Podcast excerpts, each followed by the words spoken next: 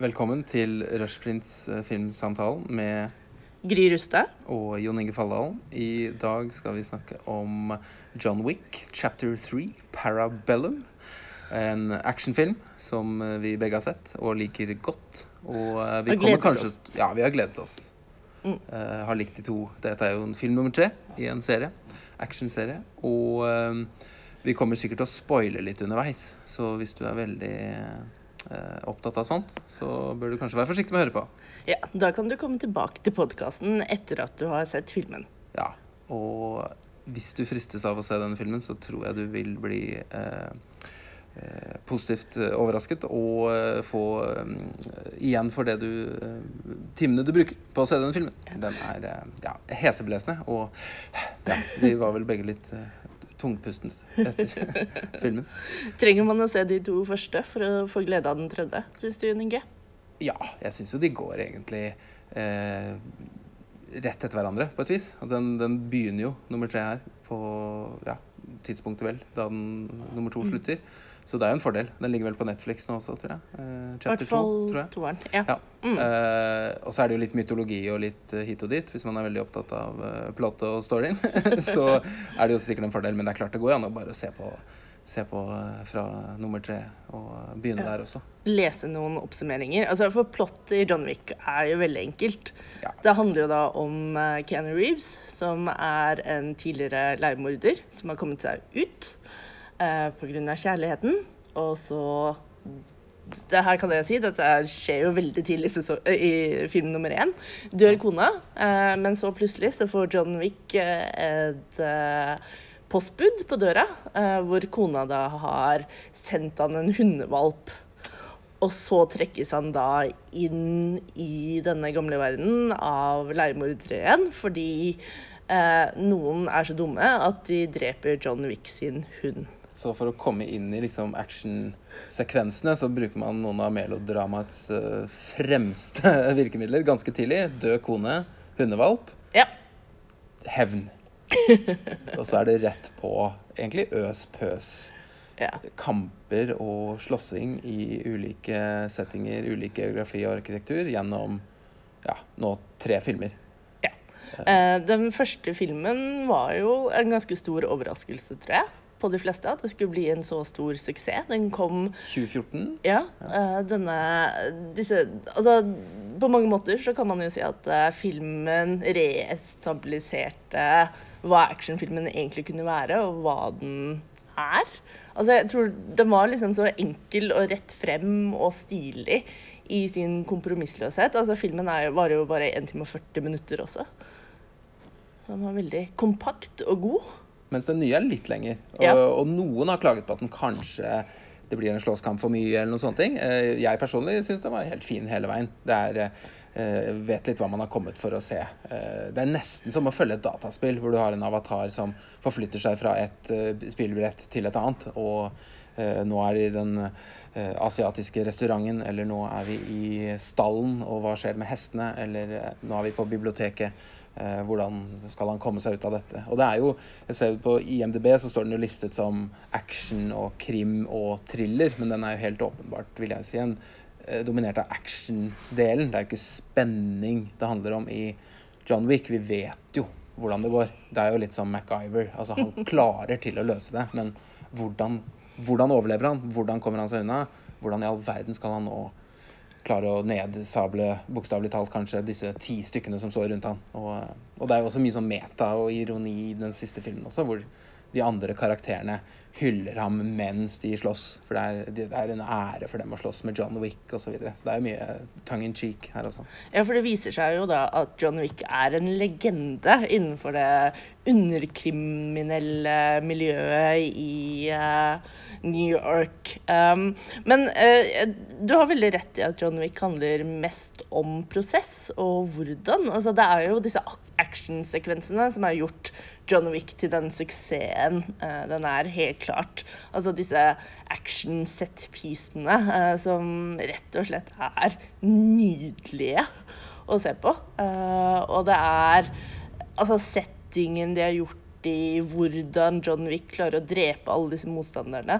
Det er jo kanskje det uh, som virkelig um, skiller John Wick fra uh, veldig mange andre action-franchises, syns jeg, da. Og den er jo veldig Den er jo regissert av en tidligere stuntman øh, og viser frem øh, kamper, øh, slåssing, gjerne i store totaler, og holder bildet en del lengre. Og da er det snakk om kanskje et sekund eller to sikkert i snitt. Mer enn i hvert fall sånn Jason Bourne eller andre nyere actionfilmer. Og det har ikke disse swish-nærbildene som skal skjule dårlig håndverk for å eh, desorientere tilskueren og, og, og skape liksom eh, kinetisk energi i bildene. Her er det faktiske, gode, eh, instruerte nesten sånne dansenumre eller musikalnumre. Den ligger Sånn sett ligger John Wick like mye opp mot uh, Dirty Dancing som uh, opp mot uh, Jason Bourne, for å si det sånn. Eller ballett og klassisk kunst er det veldig masse referanser til, både i film nummer to og nå spesielt i film nummer tre. Da er det jo til og med på et en ballett scene hvor det utspiller seg en del actionsekvenser. Hvor man da blander balletten med disse actionsekvensene, sånn at man kan se denne parallellen hvor man fokuserer på bevegelsene og det fysiske. For Det er jo veldig opp i dagen i John Wick. Ikke, ting ligger jo ikke mellom linjene. Det er veldig tydelige metaforer. Ja, når vi kommer inn under ballettøvelsen, så er det jo Hun står på tærne, og så blir hun bedt om å komme seg opp igjen når hun faller. Og det er jo en sånn metaforisk om Det handler ikke om hvor mange ganger du faller, men om hvor mange ganger du kommer deg opp, som jo er det liksom John Wick eh, Hva skal jeg si, moralen kanskje også kan være, på et vis. Og jo denne eh, instruktøren av den balletten er jo spilt altså Angelica Houston, som jo også er datter av en av de store filmregissørene, John Houston fra Hollywood, som eh, Uh, Angelica Houstons mor var også en prima ballerina, så hun passer jo godt inn i denne ballettverdenen av litt sånne russiske skumle agenter og leiemordere og brytere og ballett. Og det, det er en sånn merkelig um, treningsleir for uh, alt, uh, alt spennende russisk og litt mafiøst i denne ja, De har vel med alle disse kriminelle nasjonalitetene, holdt jeg på å si. Altså man har den sånn asiatiske kung fu-mafiaen, om man kaller det det. Uh, og den ja, for du har litt sånn japansk yakuza ja. og Hongkong, ja. og også vel det de kaller gun-fu nå, som handler om den, ikke sant, man er veldig nært oppe og skyter hverandre i ansiktet fra en halv meter.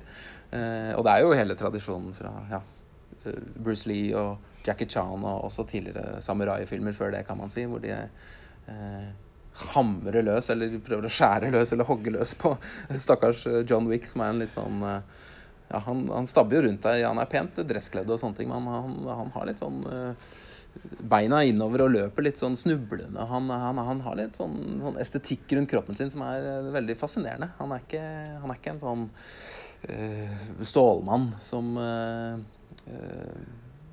men allikevel så kommer han seg ut av de merkverdigste situasjonene. Han er jo mer enn Bruce Willis fra Die Hard, bare at han tar veldig mange hodeskudd. Mer enn han kanskje er uh, Jason Bourne og Matt Damon eller Liam Neeson og Taken, vil jeg si. Altså, mm. det, er det, det, er et eller annet med det der fysiske som Keanu Reeves tar med til rollen, uh, som er veldig fascinerende. Og den skiller seg også veldig fra de superheltfilmene og science fiction-filmene vi ser ellers på kino, hvor tid og rom tøyes i alle mulige retninger. Her er det et veldig fysisk univers. Det er jo skrudd til og tegneserieaktig, men det er gravitasjonskreftene virker. Eh, kniver virker som de vanligvis pleier, og sikkert skytevåpen sånn cirka også. Og det er hunder, og det er et veldig sånn analogt univers. Du har skrivemaskiner, du har datamaskiner fra 80-tallet, du har tatoveringer på huden, brennmerkinger bøker. Det er jo ingen sånne eh, datamaskiner hvor folk sitter og hacker eller prøver å komme seg inn og eh, overføre penger i siste liten på nyere bredbånd. Altså det, virker ikke som det er bredbånd, f.eks., ja. i dette universet. Det er, ja, ja, fordi det er jo et univers. Altså, dette her er ikke vår verden. Dette New York, hvor handlingen hovedsakelig uh, utspiller seg, er jo ikke Det er jo et annet New York enn virkelig New York. Det er jo en sånn neonys noir-aktig univers. Eh, hvor eh, denne handlingen foregår. Altså, mye av handlingen foregår jo også rundt et hotell som heter The Continental, som er et slags sanctuary, et møtested for alle disse leiemorderne som tydeligvis løper rundt i denne versjonen av New York. da. som Ian McShane eh, leder, som Winston. En litt sånn motsetning til Swear Engine i Deadwood. Her er han, han, han, sitter, han er en av de få karakterene som sitter stille og bare drikker drinker. og og sits everything out. mens de andre virkelig beveger seg. Og, og, det hotellet hans blir jo i særklasse blodig etter hvert i denne filmen. Ja. og så er det masse sånne intertekstualitet til filmsjangre. Vi har jo allerede nevnt alle disse japanske. Og westernsjangeren er jo tydelig en av scenene her, hvor han får hestene til å bruke dem som våpen. Det er jo helt fantastisk hvordan de får sparket fra seg, blant annet. Og uh, Lawrence Fishborn, som jo også spilte med Keanu Reeves i The Matrix, kanskje den største filmen uh, Reeves har vært med i, uh, har jo en sånn motsatt rolle egentlig her, og påpeker jo noe av den der analog-digital-diskusjonen mot slutten av John Wick 3 her også med å si at duene han sender ut, er jo eh, internett for han, men at de ikke har IP-adresser, og de kan ikke spores og trackes og sånne ting. Da. Så det er en veldig motsatt verden av Morpheus-karakteren og Neo-karakteren og det The Matrix ga oss for 20 år siden. Og det er spennende at den, så, den er så ublyg på alle måter i hvordan den, den tør være tydelig, cheesy, Eh, det er jo også en hel sekvens i ørkenen hvor han er veldig Jesus eh, og bibelsk og messiansk. og Det, det får på en måte ikke vært tydeligere, men allikevel så syns jeg de klarer å, å, pull it off. da. Det er som en god uh, hamburger på et sted hvor du vet at de lager gode hamburgere, og du får en god hamburger.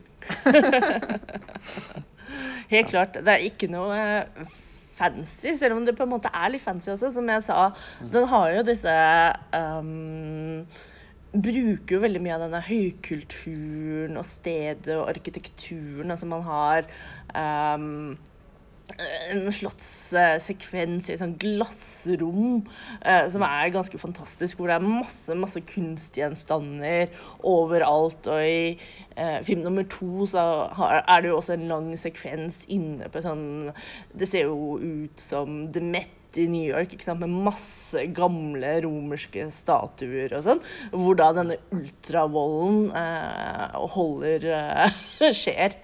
Mm. Eh, så det er um, Det er rett og slett Men det er rett og slett kjempegøy. Ja, det er jo det er veldig morsomt. Det er, jo, det er jo vold man kan le av, og det er jo klart det har jo noen sånne problematiske sider. Eh, nå klarer ikke jeg helt å se uh, altså Den diskusjonen eh, kommer jo ofte rundt sånne filmer, og han gjør det jo på en annen måte enn f.eks. Tarantino gjør det. Det er jo en annen måte å ha en slags sånn ironisk voldsorge, og det er jo eh, På en måte skulle man tro det var mer ubehagelig enn det er, men det blir mer eh, hvordan kan vi bøye og tøye på kroppene våre? Hva er det vi kan gjøre for å uh, få hverandre uskadeliggjort? Eller hvordan er det Og dette skjer om det skjer med hester eller sverd, motorsyklister med sverd, eller at han uh, Det er en kamp mellom en hest og en motorsykkel, og han henger liksom fra hofta på hesten for å skyte av en kar på motorsykkel. Det er jo, det er jo så over the top som det får blitt. Så det at uh, man skulle på en måte bli inspirert av dette til å liksom ta eh, steget over og bli voldsmann av å se på dette, det, det, det tviler jeg på. Altså, jeg ville ikke kjøpt den uh, argumentasjonen da, mot denne type film. Ja, jeg må innrømme at det er en scene altså Det er jo i dette, dette balletteatret uh, hvor det er en av ballerinaene som mister tåa si. Altså Det skjer jo veldig mye, har jeg skjønt. Og jeg syns faktisk det var eklere enn all volden som skjedde. Fordi det vet man jo er virkelig. Dette er noe som skjer. Uh, mens denne John Wick-volden og denne verden er så annerledes fra vår egen at jeg syns det blir mindre problematisk. Altså, jeg syns volden som skjer den realistiske volden da, i den realistiske filmen har jeg mye større problemer med enn denne liksom, tegneserievolden. Mm. Ja, for her holder han f.eks. i tømmene på en hest og får hesten til å sparke bakover og ta noen andre ut. og sparke dem i knollen. Det er jo veldig Donald Duck og ser ut som tidlig tegnefilm kunne vært fra 100 år siden. Det er vel en schæferhund, altså Helle Berry, som også har en liten rolle i denne filmen, løper vel rett og slett rett opp en vegg, tror jeg. Så det ja, hun, hun, sparker vel fra litt på Hunden sparker vel fra på henne eller et eller annet, og hun har jo også hundene trent opp. ikke sant? De skal bite i de nærmeste testiklene de finner. ikke sant? Her handler det om å Hun blir et sånt slags feministisk ikon. Her er hun dogwoman i stedet for catwoman. men hun... Som fungerer mye ja. bedre enn catwoman? Ja. hun var veldig, Jeg syns det var veldig bra her, og det, det, skal jo instruktøren ha. Og hele klippingen og alt. Hvordan de får disse uh, Verken Reeves eller Berry, vil jeg tro, selv om de har trent i mange måneder og alt den eh, klisjeen om hvordan skuespillerne forbereder seg, så er de jo ikke kampsporteksperter. Og hvordan du får dem til å se utrolig imponerende ut. Og det ser ut som de faktisk er så sterke og smidige og flinke og spenstige som de er på lerretet. Og det, den, den, påstanden der eh, kjøper jeg, da. Eh, selv om jeg ser på det med holdt på å si, popkorn og, og, og, smiler samtidig, så er det liksom, de, de grunnleggende ferdighetene er eh, ja, imponerende. Men det er jo en av filmens styrker også er jo at Keanu Reeves gjør veldig mange av disse stuntene selv. Han prøver å gjøre så mange han kan. Jeg vet ikke helt om han gjør like mange som det Tom Cruise gjør i Mission Impossible. Eh, men man ser, og det er også grunnen til at de kan holde eh, disse tagningene mye lengre, er jo nettopp fordi Keanu gjør stuntene selv, så man slipper å klippe bort, sånn at man skal skjule at det er en stuntmann eh, som gjør disse eh, stuntsene. Eh, og, det, og det, det, har vel kanskje også noe med hvordan Keanu Reeves nå på en måte gjør comeback på comeback igjen, da, som den ultimate actionhelten. Og akkurat nå så skal man kanskje lete lenge etter en skuespiller som er like elsket som det Keanu Reeves er. Ja, for Tom Cruise, som du nevner, han er jo også ekstremt imponerende synes jeg, som actionhelt, sånn helt isolert sett, i Mission Impossible-franchisen, som jeg også har stor glede av og syns er veldig bra på, på, mange av de samme grunnene som John Wick også er. Ikke sant? Som du sier, gjør stuntene eh, selv, eh, gjør at man kan se det mer eh, troverdig og realistisk i større bilder osv. Uh, men Tom Cruise har jo noen av disse andre issuene med seg som, som total stjerne, da, som, som byr meg litt mer imot. Uh, mens Keanu Reeves er vel, så vidt jeg skjønner det, en mer sånn godt likt og har overlevd hele metoo æraen, eh, så vidt jeg skjønner. Ikke noe veldig store svin på skogen Nei. som har kommet frem, eller ja. Altså, hvis man googler uh, Keanu Reeves a good guy, så får man opp så utrolig mange treff på Google, hvor man ser Keanu Reeves gjøre ting som f.eks. han ble strandet på, i sånn fly, da, ja. som ikke kunne fly videre. Så da var det mange som la ut sånne snapper hvor du ser liksom Keanu Reeves der og organiserer en minibuss fra Burbank og ned til LA, hvor han forklarer Nei, Bakersfield, tror jeg det er. Men uansett, han driver og forklarer og er turguide. Og han fremstår bare som verdens mest sympatiske fyr. Det ble vel også et sånt meme av han nå nylig, når han var på et sånt talkshow og hadde blitt spurt om hva skjer etter vi dør? Ja. Keanu Reeves. Og han svarer helt alvorlig etter å tenke seg om at uh, noe sånt som I, I know our loved ones will miss us. Som er en sånn nå-reaksjon, ikke sant? For, mm. uh, man vanligvis ikke vil forvente at en sånn uh, stjerne De pleier å gi et kult, snappy svar, skrevet av kanskje en standup-komiker, på sånne uh, show. Men det En oppriktighet fra en sånn stjerne som når gjennom all sånn mediestøy, er jo, det er jo imponerende. Det, kanskje det sier litt om han som person. Jeg vet ikke. Man kan jo kanskje si at Keanu Reeves er litt som en årgangsvin. Altså, han har jo vært med veldig lenge. Eh, fra Bill og Teds Excellent Adventures var vel det som han slo igjennom med, som nå for så vidt får en remake.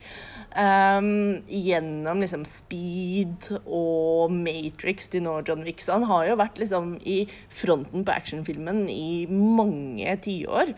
Uh, og jeg tror tidligere så var det jo um, veldig mye snakk om at han kanskje ikke var verdens beste skuespiller.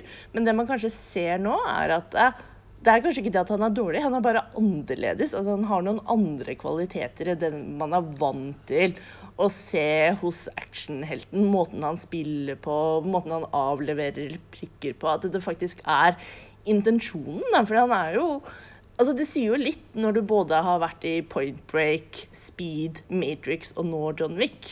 Eh, det er jo få andre uh, actionhelter som har vært i så mange uh, store action-franchises. Ja, for han har ikke så mange flere replikker enn en type Arnold Schwarzenegger i Terminator. Altså Han er en, en mann av få ord, og, han, og, de han leverer, er gode. Du sendte meg jo en sak, nå husker jeg ikke fra hvilket tidsskrift det var, men noen som hadde skrevet uh, om hvordan Johnny Depp var sett på som den dårligste gode skuespilleren i verden, mens uh, Keanu Reeves var sett på som den beste dårlige skuespilleren. Uh, som er også en sånn interessant Og jeg kan jo skjønne litt av det Litt av argumentasjonen for noe sånt også, men jeg, jeg tenker han er, han er mer enn en veldig, veldig god, eller kanskje verdens beste dårlige skuespiller.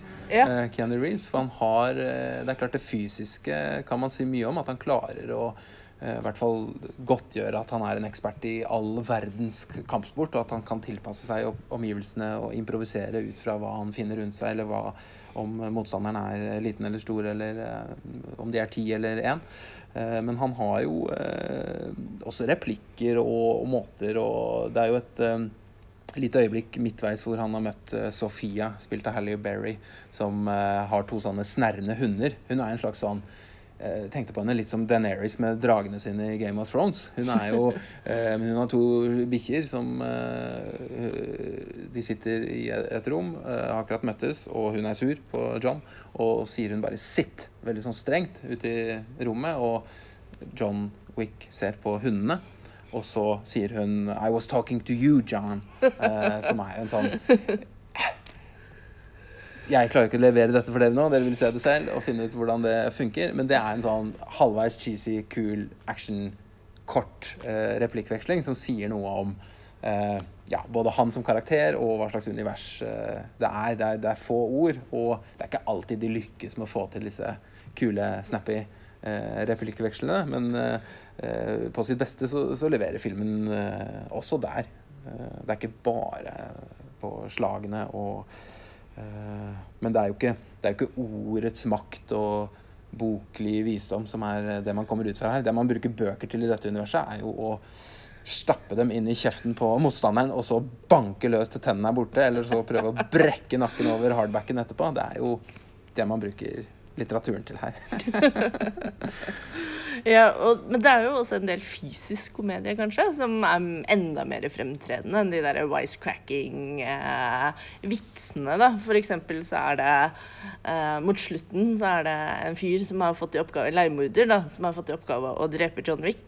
Eh, og han er så starstruck at når de setter seg ned i en sofa, så får du en sånn utrolig fantastisk sånn klein, nesten sånn Kirby enthusiasm eh, sekvens hvor det bare blir utrolig utrolig awkward. Fordi denne mannen setter seg litt for nære John Wick, og så ser uh, Keanu Reeves på den andre karakteren, og så reiser han seg vel opp og setter seg en stol lenger unna.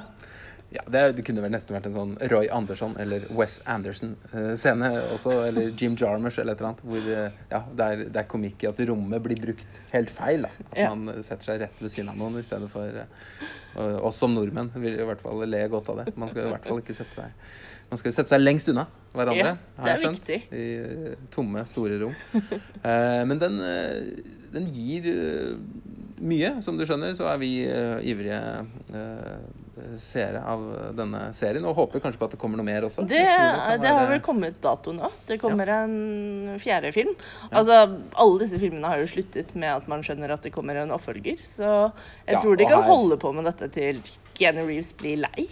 Og den slutter jo med spørsmålet Are you pissed, John? Og han sier yeah. Så End credits. Så det er helt klart at dette er en actionserie vi kan ha glede av i noen år framover også. Ja. Skal vi se. Skal vi ha det litt sånn kort og gæli i dag, Jon Inge? Ja. Uh, det kommer også uh, Det er jo det kommer jo flere podkaster. ja, vi skal forsøke å lage litt, uh, litt hyppigere. Ja. Det har vi lovt, forsøkt å love før. Men vi kommer tilbake. Og dere, ja. den forrige dere hørte fra oss, var vel Game of Thrones rett i avslutningen der. Og så eh, gjennom sommeren. Så håper vi å kunne levere noe mer. Ja, Sånn så, at dere kan ha til sommerturene. Er det noen andre tips på hva som nå går på kino, eller er av TV-serier som kommer, som vi kanskje kunne gitt på tampen? Ja, har du noen? Eh, nå er jo eh, Handmaid's Tale eh, i gang igjen. Mm. straks, eller nå, avhengig av når du hører på dette. Eh, som jo alltid, vil jeg tippe, er lovende og godt. Easy en serie som har tredje sesongen sin på Netflix, uh, som jeg syns er veldig god. Joe Swanberg, som er en sånn indie-regissør. Litt sånn uh, novelleaktig. Er det ikke det? Litt grann sånn, Ja. men uh, eh, ikke så eh, out there. Eh, I Mhm. hvert fall det jeg har sett. Ellers har jo Veep-sesongen nå vært veldig fin, syns jeg. Den er vel ferdig. Så Ja, de som ikke har sett den, hvis du er interessert i amerikansk politikk, så Ja. er jo det uh, andre Killing Eve har jo akkurat avsluttet sin sesong. Det er jo kjempegøy. Uh, Fleabag sesong to er ute. Den har jeg ikke fått sett ennå, men jeg har hørt utrolig gode ting om den. Uh, og så har jeg sett litt på Tsjernobyl. Ja, den har jeg også hørt gode ting om. Ja. Ikke sett på ennå selv, men Fin. Og så kommer det vel en ny sesong av Succession, som handler om slemme, rike mennesker på en veldig morsom måte. Uh, så det er nok å glede seg over uh, i sommer på TV-fronten. Og nå er det jo sånn der at før så var jo sommeren en sånn ødemark når det kom til uh, TV. Uh, mens nå, siden det er overproduksjon av TV-serier, så er det jo ikke sånn lenger. Så man har mer enn nok å se på. Man blir lei av sola. og har lyst til å være inne. Det er greit å være inne selv om det er fint vær, altså. on that note sier vi takk for oss for denne gang, og Filmsalen her hos Rushsplit.